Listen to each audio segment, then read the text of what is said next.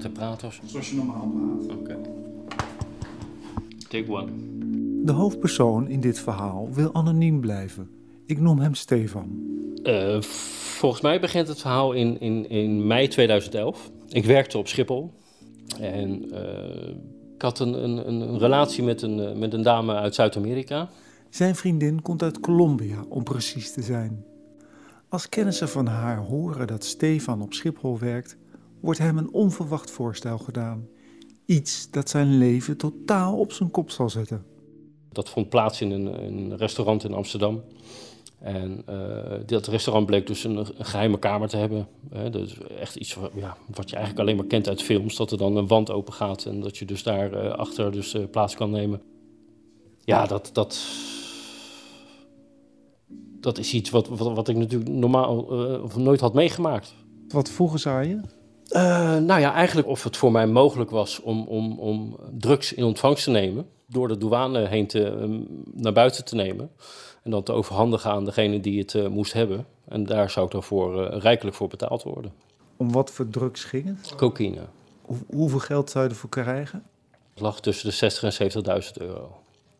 Heb je een crimineel verleden? Nee, nee, nee. Ik, ik ben nooit eerder met justitie aangekomen anders dan een bekeuring van de CJB voor een uh, snelheidsovertreding of een, of een rood licht. Ik kom echt gewoon uit een gezin waar gewoon hard werd gewerkt. Maar ik heb altijd wel de eindjes aan elkaar moeten knopen. En als op, op een gegeven moment dan een, een vet bod wordt voorgehouden van... joh, als jij dit doet, dan krijg je daar echt een immens bedrag voor.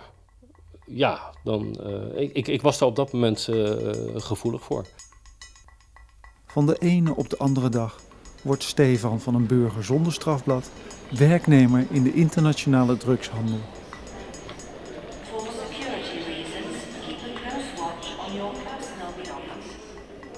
Ja, goed, de eerste keer dat ik dus uitbetaald kreeg, uh, ja, dan weet je niet wat je ziet. Hè? Hij kwam met, met een sporttas kwam die, uh, kwam die bij me langs en uh, ik ging naar boven naar de, naar de slaapkamer en ik deed die tas open en ja, dan zie je daar gewoon één, één, één, één grote stapel uh, bankbiljetten. En dan heb je echt zoiets van uh, WTF. Ja, wat, wat, wat, uh, wat gebeurt er? Er ligt meer geld dan Stefan normaal in één jaar verdient.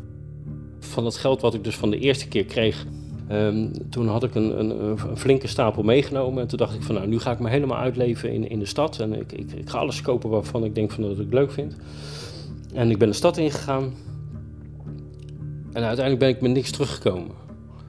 Om, omdat op, op een of andere manier voelde het toch niet, niet oké, okay, zeg maar.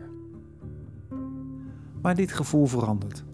Langzaam wendt hij aan het smokkelen in de stapels geld. Uh, dan ga je natuurlijk inderdaad al je, uh, je schulden of je achterstanden, of, of, of uh, dat ga je allemaal afbetalen. En dat geeft natuurlijk een enorm opgeruimd gevoel op een gegeven moment zijn je schulden afbetaald en uh, het geld blijft binnenkomen. Uh, en ja, dan ga je je toch wagen aan uh, eens een keer een, een hele dure schoenen, dure horloges, dure auto's, vakanties, tripjes, uitstapjes. als je op vakantie gaat, dan vlieg je business class en niet meer economy. Want ja, ik kocht spijkerbroeken voor 400, 500 euro per stuk, t-shirtjes van 200 euro.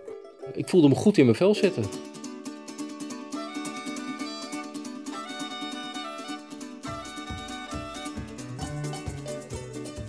Jarenlang loodst Stefan koffers met drugs door de douane. De zaken gaan goed. Met zijn Colombiaanse vriendin maakt Stefan plannen om naar Colombia te verhuizen.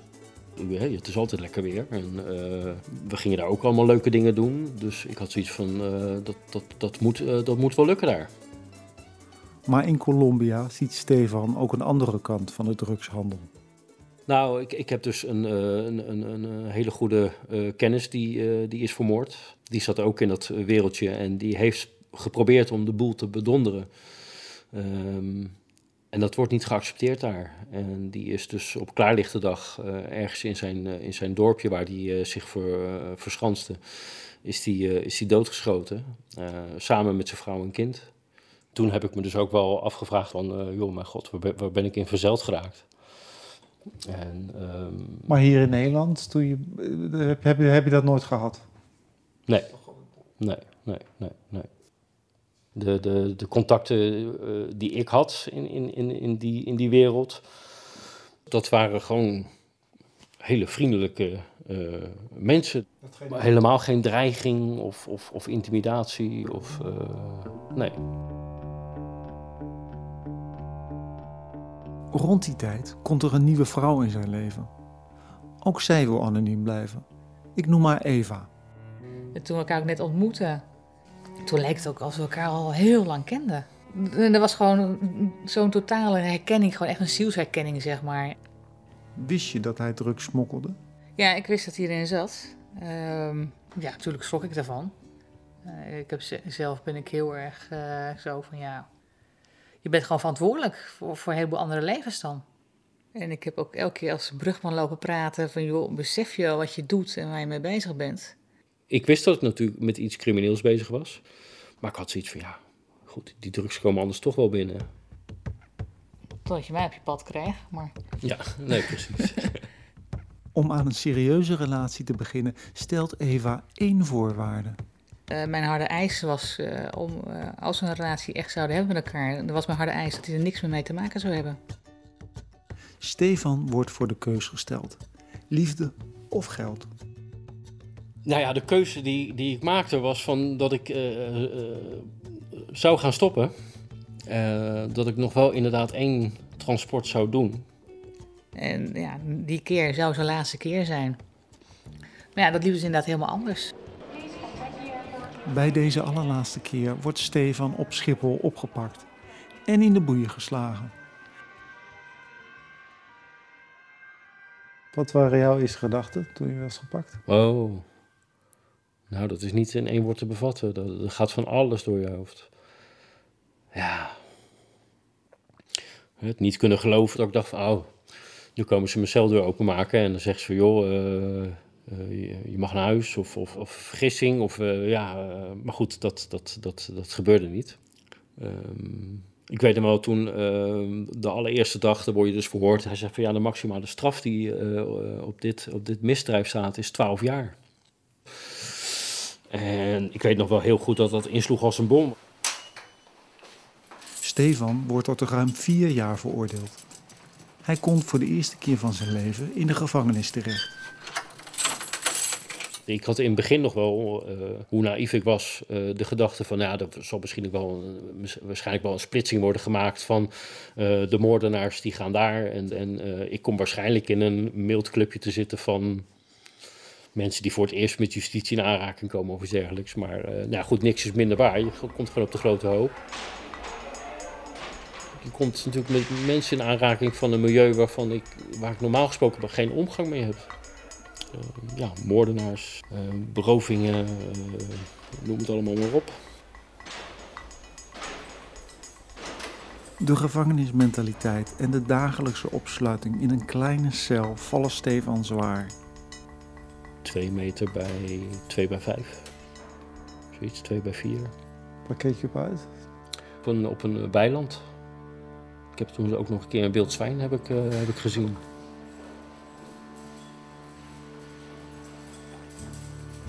Het, uh, het, ritselen van de sleutels van bewaarders. Hè, op het moment dat de deuren open gaan. Dat, dat, zijn momenten waar je naartoe leeft. In het begin ging het zo enorm slecht met hem dat ik echt bang was dat hij zichzelf wat ging aandoen. Zo slecht ging het in het begin met hem. Um, dus dat was heel erg, in die zin heel erg van dag tot dag leven.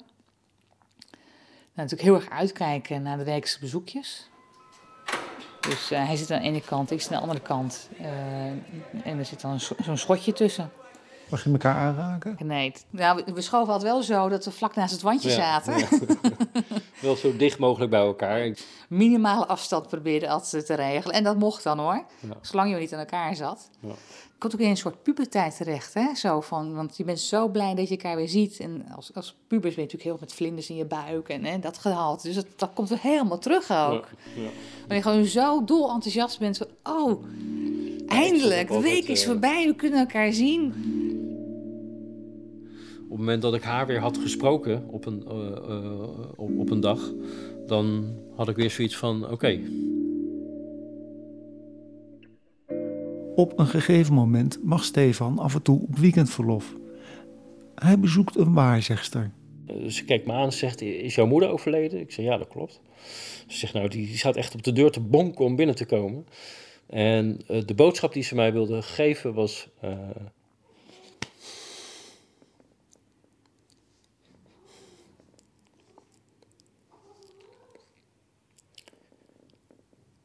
um, dat ze haar excuses wilde maken dat ze er niet voor me kon zijn. Even een slokje thee.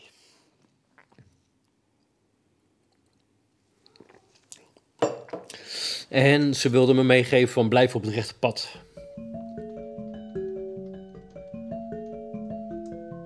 Na twee jaar komt Stefan vervroegd vrij. Hij is veranderd. Ik ben gewoon eigenlijk heel erg op zoek gegaan naar mezelf. De status die ik mezelf toe-eigende doordat ik een duur horloge had en mooie kleren en een dure auto. En eh, dat juk heb ik niet meer. De dure klokjes en dergelijke, die, eh, die zijn weggedaan. Wat heb je ermee gedaan? Nou, die zijn verkocht. Ja. ja, we hebben ze ook weer niet weggegeven. Dat vonden we.